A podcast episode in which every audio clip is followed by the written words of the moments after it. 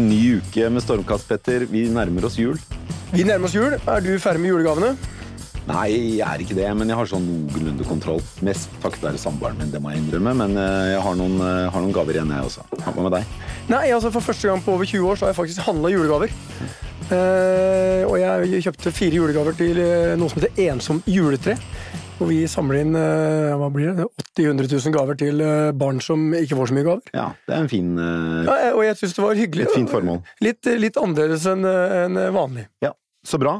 Du, eh, vi kunne snakket om mange ting denne uken, men vi har vært så heldige å få inn en mann som har vært en god del omtalt i media gjennom en årrekke. Har vært en profilert næringslivsleder og investor, og er aktuell nå fordi han måtte selge aksjene sine i REC, dette silisiumselskapet som er børsnotert, til Kjell Inge Røkke for en svært lav pris, og langt under det han eh, inn, har brukt eh, på aksjene sine opprinnelig.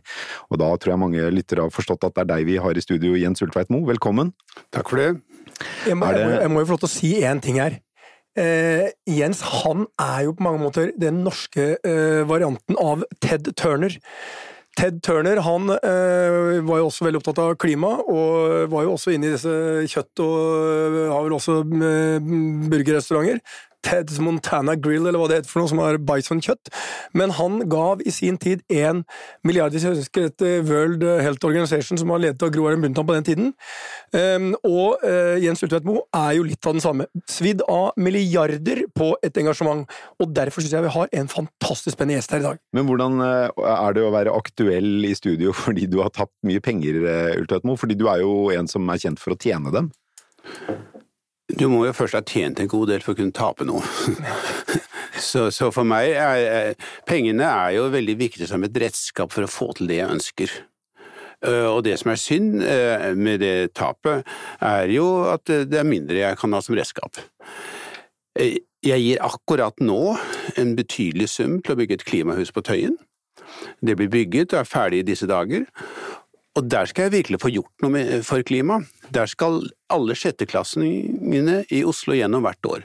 Vi regner med 100 000 besøkende som skal lære om klima, hva vi kan gjøre, hvor, hvor krisen er, og som man etterpå skal gå ut som klimaaktivister. Og, og, og, og som, som Raymond Johansen sa, sjetteklassinger, om fire år er de velgere. Slik at da å ha Klimahuset på Tøyen for å opptre av velgerne i fremtiden, syns jeg er veldig viktig. Og for meg er det viktigere enn det er noen kroner som er borte. Dette er jo noe du har eh, drømt om lenge, å få satt opp dette klimahuset. Og, og du er jo kjent som en som er eh, svært opptatt av klima. Eh, Men vi- vi- hvis vi kan spole litt tilbake, så du, Din karriere startet jo Du var jo en konsulent for McKinsey i London og New York, og hadde jo en, en god karrierestart, kan man trygt si. Eh, Men eh, formuen din bygget jo opp i olje, i, i stor.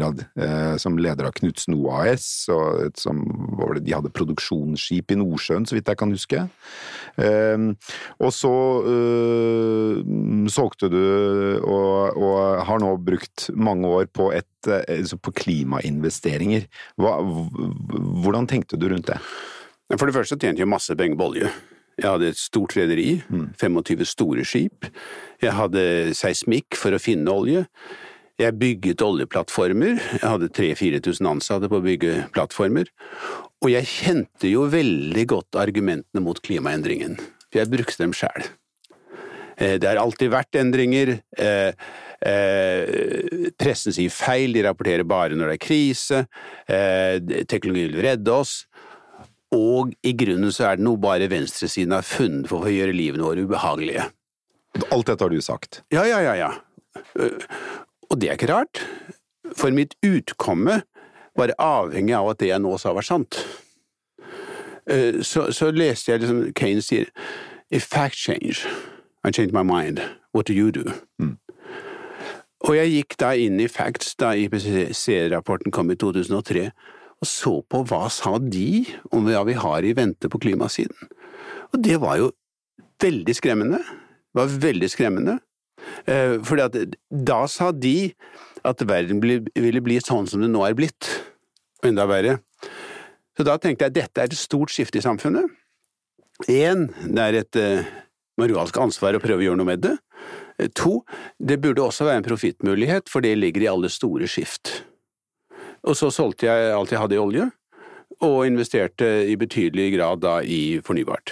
Da du, I dette skiftet i din investorkarriere, eh, hvor mye satt du på da du solgte deg ut av olje og tenkte nå skal jeg gå all in på, på klima? Syv-åtte milliarder. Syv-åtte milliarder. Så, så, så min Jeg fikk Jeg red den norske oljeboomen svært eh, så aktivt. Ja. Og gledelig.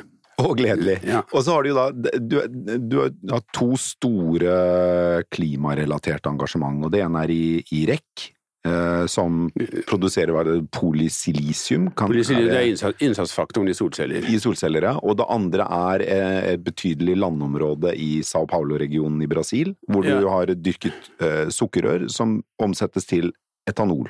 Ja, og lager etanol, som er det bilen i Brasil går på. Ja. Tredje jeg har hatt, er um, på skog.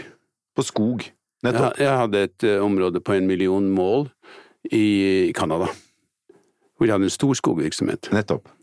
Og uh, den, Er den solgt nå, den skogvirksomheten? Den tjente jeg godt på. Den tjente du godt på. Og så, for, de, de, to investeringene du er mest kjent for, er jo REC og, og etanolproduksjonen i Brasil. Og der har det jo gått, uh, må man kunne si, svært dårlig. Jeg har lest at du har eh, tapt eh, anslagsvis 4,5-5 milliarder kroner på etanolproduksjonen i Brasil og REC til sammen. Eh, hvordan oppleves det? Jeg ville heller det enn å ha ødelagt verden med olje. Men det oppleves jo riktig dårlig, for da har jeg de, de pengene mindre for å prøve å gjøre noe med miljøet. Og, og det er jo veldig irriterende og har vært tidlig ute, fått rett, men for tidlig. Eh, nå ser jeg jo at store investorgrupper, altså hele finanssektoren, skifter nå til det grønne. Og de tvinger jo da resten av sektoren til å komme. Det er helt merkelig. Da Equinor hadde sitt høstkonferanse nå, det var som et vekkelsesmøte i Zero, jo. De snakket jo bare om det grønne og det fornybare. Hun skulle trodd at de, at de drev med fornybart. De gjør jo det lite grann, men det er, under, det er bare 5-10% av virksomheten. Resten ser du i oljeselskapene nå løper etter så fort de kan, eh, og med grønnvasking. Da du, da du, gikk inn i disse investeringene i utgangspunktet, hva var, det, hva var tilbakemeldingene da du gikk på NHOs årskonferanser da? Hvordan, hvordan, ble du sett på da? Jeg håper vi finner en psykiater som kan hjelpe Jens. ja, du ble sett på som en, eh, en som hadde en eh, skrue løs? Ja eh, eh, Verre enn det, romantiker. En romantiker. Ja. Vil du sett i ettertid gi dem rett i det? Nei. Nei, jeg mener i ettertid at jeg var spot on helt riktig i hva som ville skje. Det er jo det vi nå ser at skjer. At jorden varmes opp, den varmes nå opp raskere enn vi trodde. På Svalbard er jo store omstillinger et faktum. Eh, spot on. Det jeg feilvurderte, var jo hvor raskt det politiske skiftet ville komme. Hvor, hvor raskt folkemeningen ville komme etter det synet jeg hadde. Der tok jeg jo ganske så feil. At det tok lengre tid enn du hadde trodd? Ja, ja. Mm. ja, ja. Og, og, skal du ha et politisk skifte, så kommer jo ikke det ovenfra. Det kommer nedenfra. Og da må du få folkemeningen som snur, eh, og så blir det dyttet opp. Det skjer i dag i EU. I veldig stor skala. Mm. Det skjer ikke ikke ellers i verden. Men i EU så ser de klart at det skjer. I Sverige har det skjedd, eh, i Norge kommer vi etter. Men altså, for meg det er jo interessant, bare så ikke vi slipper det helt. Jeg, jeg sitter og tenker, eh, når du snakker det er svært få forunt øh, å gå gjennom det du har vært igjennom nå. Vi snakker om tap på 4-5 milliarder. Altså, altså, I den grad man trenger en psykiater eller psykolog, trenger man det kanskje akkurat nå.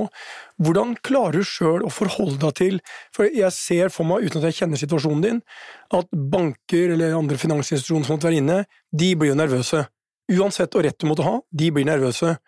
Så hvordan du liksom du eh, Hvordan er situasjonen akkurat nå? Altså det å, det å kunne tape så mye penger Altså eh, Banker som ikke bare blir nervøse, de forlanger eh, tilleggssikkerhet, eh, de forlanger at du skal gjøre ting. Hvor, hvor, hvor pressa føler du at du er? Jeg hadde jo veldig mye til å begynne med. eh, har fortsatt mye igjen, og klarer meg, både meg og min familie, svært komfortabelt med det. Og det, det er nøkkeltingen.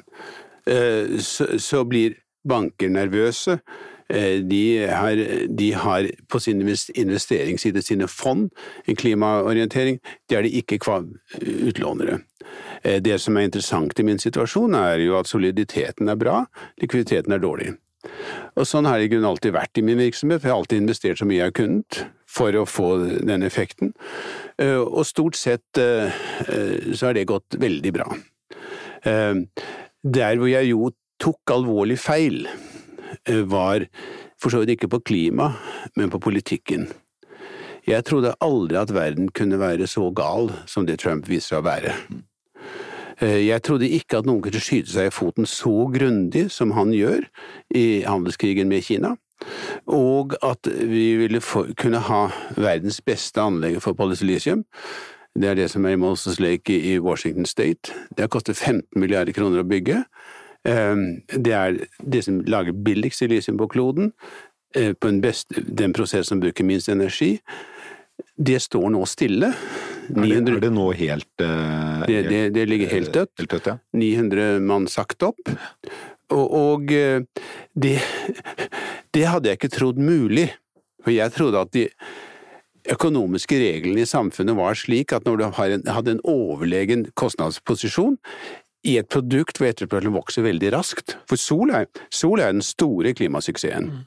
Mm. Så, så ville det ganske automatisk gi et godt resultat.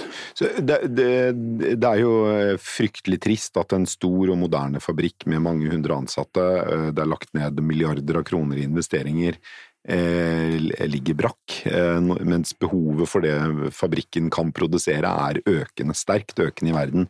Men eh, det vi har sett er jo, i tillegg til at vi har fått en handelskrig mellom USA og Kina som har rammet Moses Lake-fabrikken betydelig, så har vi også sett et betydelig fall i prisene på, på innsatsfaktorene til solcellepanelene, eller i hvert fall silisiumen-delen av det. Altså- Hadde det vært mulig å tjene penger med dagens priser på silisium, forutsatt at vi hadde en verden uten handelskrig? Eh, når du har vår prosess, ja. Det er to prosesser, det er Siemens-prosessen og FBR. FBR-prosessen er langt billigere enn Siemens-prosessen. Så hadde det vært åpent, så hadde fabrikken gått for fullt i dag. Ja. Uh, og det er fordi at vi har en bedre, te bedre teknologi. Vi har ca. to tredjedeler av kostnadene, uh, og bruker vesentlig mindre strøm. Og Moses Lake har i tillegg strøm fra vannkraft. Så vi er vinnere på alle disse, eh, eh, men ikke på handelskrigen. I Brasil så er det jo noen av de samme vindene som har truffet eh, etanolproduksjonen med, med subsidiering av bensin, blant annet. Jeg har hørt mange, kanskje spesielt i aksjemarkedet, si at eh, politisk risiko bryr vi oss ikke om. Det, det løser seg alltid. Det er den finansielle risikoen eh, vi må fokusere på. Men i både etanolprosjektet ditt og i, i silisiumprosjektet ditt så høres det ut som politisk risikoen er den klart største, og den som har eh, bitt dine ja, investeringer Det er helt riktig, det. Det er riktig, og det går tilbake til det jeg sa tidligere om at politisk handling blir motivert nedenfra av hva folk flest mener. Folk flest er, er kanskje en del i Europa, nå er der hvor jeg var i, for 15 år siden. De har klart ikke vært der underveis.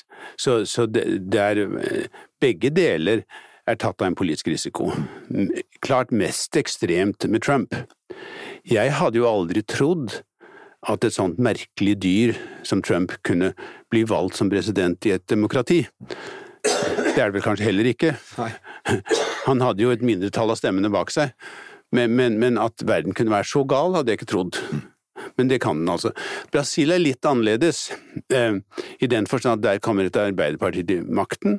De vil ha billig, billig bensin, eller billig drivstoff til folk flest, og derfor subsidierte. Eh, så blir de tatt med buksene nede med enorm korrupsjon. De rappa 20 milliarder kroner fra Petroplass og ble derfor hevet ut. I dag er det snudd helt. Eh, på julaften nå, passende nok, eh, kommer et system inn som vil gi et premiumpris for eh, etanol i forhold til bensin. Ja, En fantastisk julegave. 15 år for siden. ja. Men bare sånn litt vi er- Dette er en økonomipodkast, og jeg, bare for å dvele litt ved øh, Soliditeten din er, er absolutt bra, sier du. Men jeg har jo alltid sagt at utfordringene handler ikke om soliditet, det handler om likviditet, som du er innom. Um, fordi det mange ikke forstår, det er at du kan være solid og samtidig gå tom for penger. Er du i fare for å gå tom for penger? Nei. Nei, det er jeg ikke. Men jeg farer for å ha lite penger, og jeg farer for at jeg må selge noe. Eh, der, der er vi. Sånn som Eh, rekkeaksjen i forrige Ja, rekkeaksjen var jo der. Mm. Uh, uh, og det var jo veldig irriterende. Sånn er det. Sånn er det. Så dette her det, det kommer på plass. Jeg har jo i restauranten en cash-ku. Eh, og det er liksom Bokstavelig talt. Ja, ja, ja så, så det, det, gjør, det gjør den store forskjellen. Ja. Um, Kan du måtte selge Du har jo både Peppes, TJ Fridays, Burger King, og du har flyplassrestauranter, så vidt jeg husker. Eh, Kan du risikere å selge det også? Det morsomme med kapitalisme er at svaret på alt er pris. Ja. Eh, Jeg kan godt selge hvis prisen er god, jeg selger ikke hvis prisen er dårlig, og det er forholdet mellom inntjeningen og pris. Foreløpig er den slik at det ikke er noen grunn. Og du er i en posisjon der du kan velge å selge hvis prisen er god. Ja, for kontantstrømmen er jo bra. Ja. Fordi du solgte jo rekkeaksjene til var det nesten 40% rabatt i forhold til børskursen, øh, og Kjell Inge Røkke som kjøpte aksjene, han tjente jo var det 70-80 over natten på den investeringen. Eh, Og det er jo et eksempel på at du ikke solgte noe til riktig pris, eller til er god pris. Det jeg sa var at det Kjell Inge gjorde der, er sånn som jeg har pleid å gjøre. Og det har jeg gjort en del ganger. Så jeg vet akkurat hvor vellykket det kan være. Mm. Men, eh, men der der var det jo altså politisk. Eh, Og det ser jo ut som om den politiske situasjonen i USA vil fortsette å være dårlig. Eh, Hvis Trump blir gjenvalgt, så tror jeg ikke det vil skje noe særlig på, på Kinasiden. Og det interessante er hvis demokratene kommer inn, så er også de veldig Kina-skeptiske. Eh, Så, så eh, sannsynligheten for at eh, Moses Lake-anlegget kommer i drift igjen, er ganske lav, dessverre. Tror du den er eh, lagt ned for godt? Det får tiden vise. Eh, Det ser, det ser jo Altså, for polysilisium tror jeg det. Eh, Men de lager silangass som om noen år kan stå bak et gjennombrudd i batterimarkedet. Du får vesentlig høyere ytelse av batterier ved å lage en anode av silangass enn nå som eh, eh, av, av grafitt. Men det er foreløpig på lab-stadiet, så det, det vil ta litt tid. Men du, har- du har, når det gjelder eh, ditt eh, engasjement for klima, du har jo vært en av de som har vært eh, enormt pro vindkraft. Um, men forstår du litt av de som sier liksom at disse enorme vindmastene Det blir også et stort sår i naturen? Det klare og rene svar på det er nei. Riktig. Jeg, for, jeg, jeg forstår de som sier vi gir faen i klima, derfor vil vi ikke ha vind. Jeg forstår ikke de som sier at vi er opptatt av naturen, derfor vil vi ikke ha vind. For det er intet som er verre for naturen enn klimaendringen. Og vindkraft i Norge er der hvor vi virkelig kan gjøre en forskjell. Eh, Jeg, eh, hvis vi ser på at Tyskland, som har 44% kull nå, skal ned til null i 2038, kan norsk vindkraft og norsk vannkraft være vesentlig faktor i den endringen. Jeg synes at de som sier at vi vil bevare naturen derfra mot vind, de har ikke forstått noen ting. De, de har ingen forståelse av prioriteringene. Hvis du synes det er viktigere å bevare havørn enn en naturen generelt, så har du ikke forstått det, for havørnen og fuglene vil jo lide sterkt av den oppvarmingen som kommer. Eh, og, det er liksom, Du ser ikke lenger nesereggen. Du, du får en måte på hvor navlebeskuende du skal være. Så jeg syns helt rent at de føyer seg inn i rekken av senterpartitenkere som bare ser snevert på sitt eget lille samfunn. Senterpartiet er typisk at leve Toten, skit i Norge. Vindkraftmotstanderne er leve Norge, skit i verden. Og med at de sier skit i verden, så ødelegger de også for Norge. Klimakrisen kjenner, kjenner ikke landegrenser. Hva er bærekraftig kapitalisme for deg? Det interessante med klimakrisen er jo at den er veldig løsbar. Den er løsbar, det koster ikke all verden. Det koster fra nå av og ut et århundre til ca. ett års GNP i verden, altså 60 trillioner dollar. Teknologien er der. Ehm, det som mangler Teknologien er der, var nå utviklet på vind og sol, øh, vann. Ehm, men den politiske viljen til å være der er ikke der overhodet. Det har vi sett klart i, Madrid nå. Eh, så kapitalismen og markedet er helt rent i stand til å løse dette. Eh, eh, professor Støren ved LSI sier at klimakrisen er primært en markedsfailure. Og det er jo at det er gratis, stort sett i verden, å ødelegge kloden. Altså, det er ingen pris på CO2-utslipp, og, og, og, og så lenge det er gratis å gi faen, så gir folk faen. Folk flest. Mm. Og det skjer. Det skjer helt rent. Tror du på kvotedelen? Ja. Jeg, altså, hvis vi hadde en 50 dollar kvote på hele kloden, så ville klimaproblemet være løst. Altså, det er fete ord, men jeg tror absolutt det er sant. Og det eneste landet som virkelig gjør dette, er EU. Eh, for to år siden så tenkte jeg dette går helt skitt. For det er bare diktaturene som gjør noe med klima. Demokratiene ligger etter. Nå er det snudd helt rundt. Diktaturet Kina er nå klimaverstingen. De har enorm økning i utslipp fra, fra kull. Og EU er jo nå helt fantastisk i hva de gjør. Og det spiller veldig inn på Norge. Du, du, man hører jo ofte at, at det, dette er en type sånn eh, naiv eh, vestlig tankegang, den at vi skal liksom investere for uh, mer klimavennlige løsninger, mens alle andre, og se på Kina som vokser så raskt og endrer seg så fort, de, uh, de fortsetter å, å, satse som før. Hvorfor skal vi subsidiere en verden som ikke er interessert i gode klimaløsninger? Jeg synes det argumentet er godt Nei, det er riktig og dårlig moralsk. For det er litt uh, leve Toten-skit i Norge? Ja, ja altså, altså, det som skjer nå EU er verdens største og sterkeste økonomiske enhet. De går nå veldig for en reduksjon av utslipp på 50% 2030 og borte i 2050. Hvis resten av verden var der, så ville. Så ville klimaproblemet være løst. Eh, så utviklingslandene vil ikke. Eh, og de skyter seg selv i foten så det noe så voldsomt, for det er de som lider mest. Vi rike landene kan klare oss rimelig godt ved å tilpasse oss klimaendringen.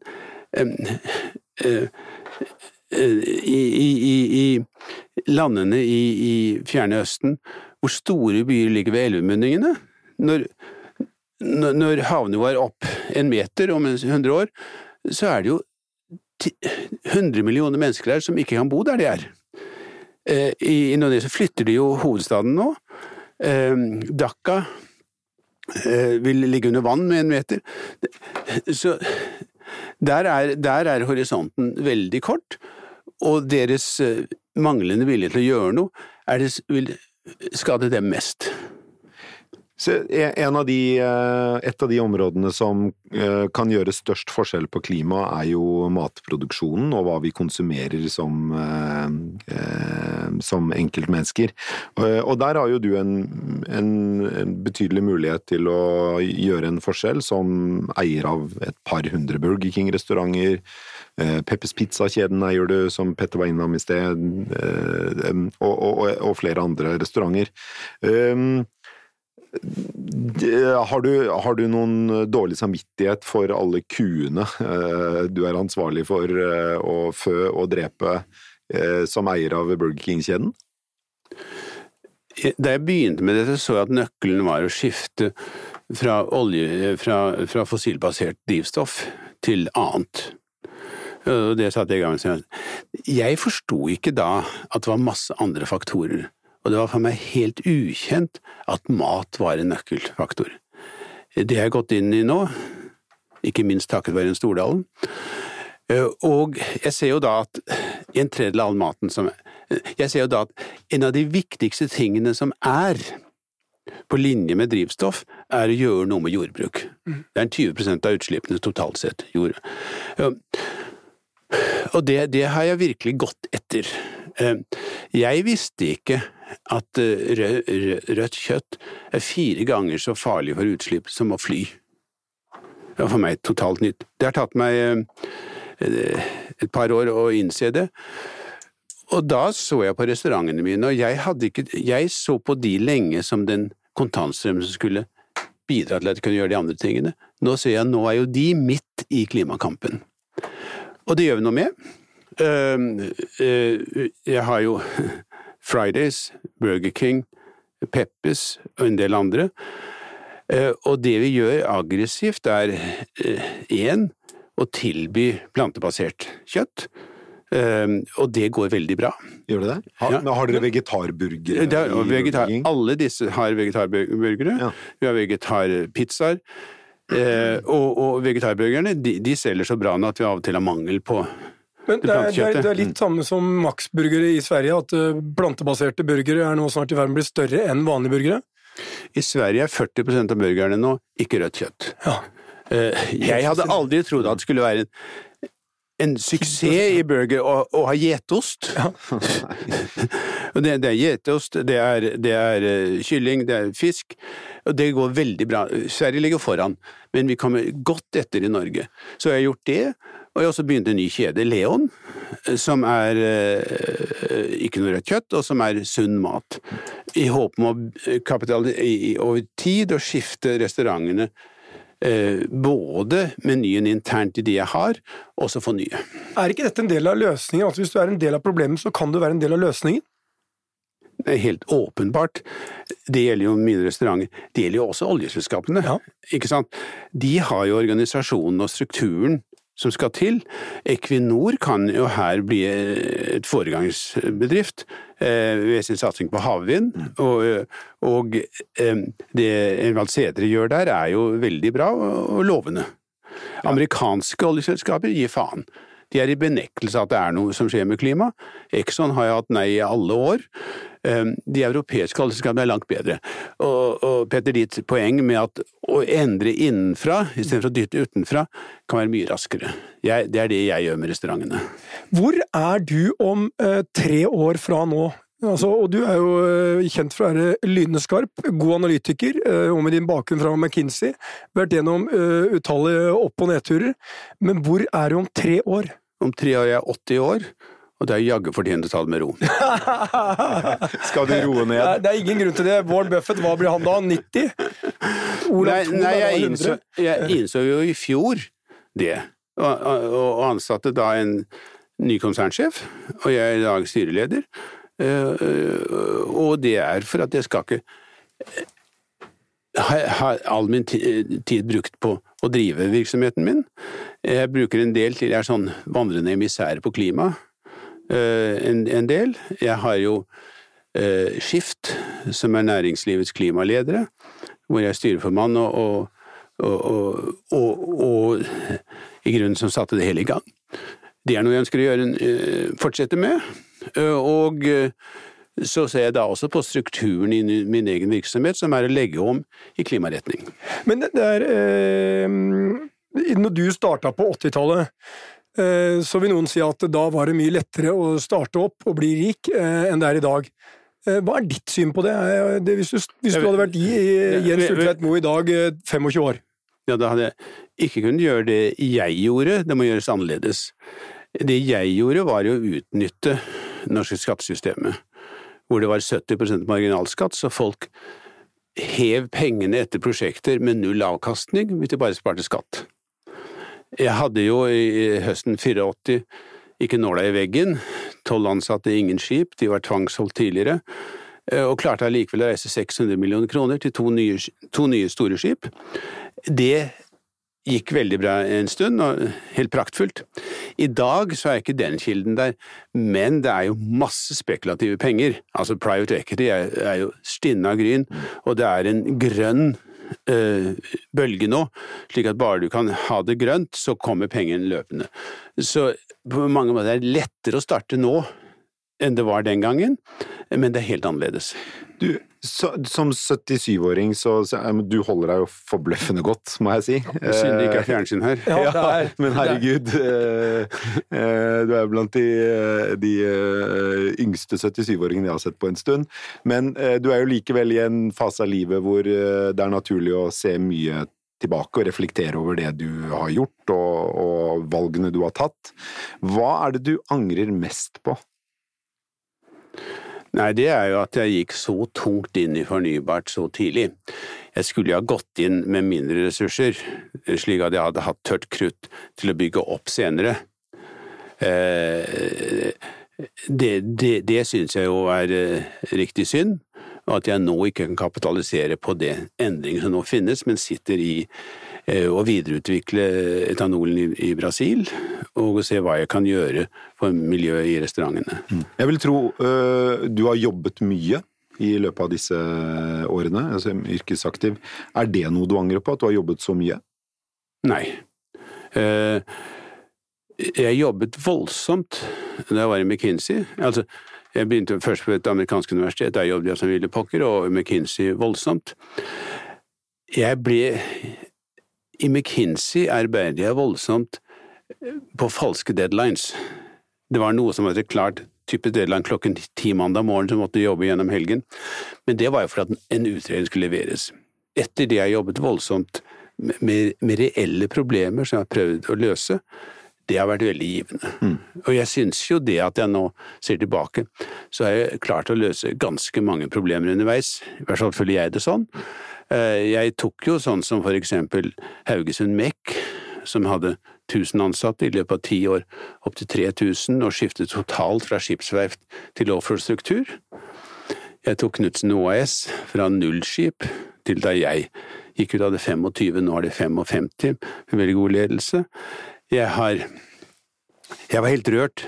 Jeg var i Brasil nå for to uker siden, og da møtte vi en kongressmann, og vi skulle si til han Hjelp denne industrien og se hva du kan gjøre for at vi skal få eksport av etanol til, til uh, Kina. Da stoppet han Umo, Umo Bioenergi. Ja, jeg er sønnen av politisjefen i Villa del, eh, del Norte, Estrella del Norte. Det er tre byer som jeg holder liv i der. Tre små, ja, småbyer, sånn 1000-2000 i hver. Jeg, jeg vokste jo opp med at dere kom dit og reddet hele distriktet, og det var veldig meningsfylt. Altså, det kostet meg, kostet meg mye, men jøss så hyggelig det var å vite at jeg hadde gjort en praktisk, konkret uhjelp. Eh, I, i, der sysselsatte jeg nå 1500 mann, var det 2000. Det betyr jo at 8000-10 000 mennesker fikk sitt utkomme fra virksomheten jeg har der. Det gjorde godt. Det er Et lite plaster på såret som er verdt fire milliarder kroner. Ja, du, du kan ikke ta det med deg, som det er fire milliarder mindre, er ikke så mye fra eller til. Du tar dem ikke med deg i graven. Nei. Fins ingen nummer i likskjorta. Nei.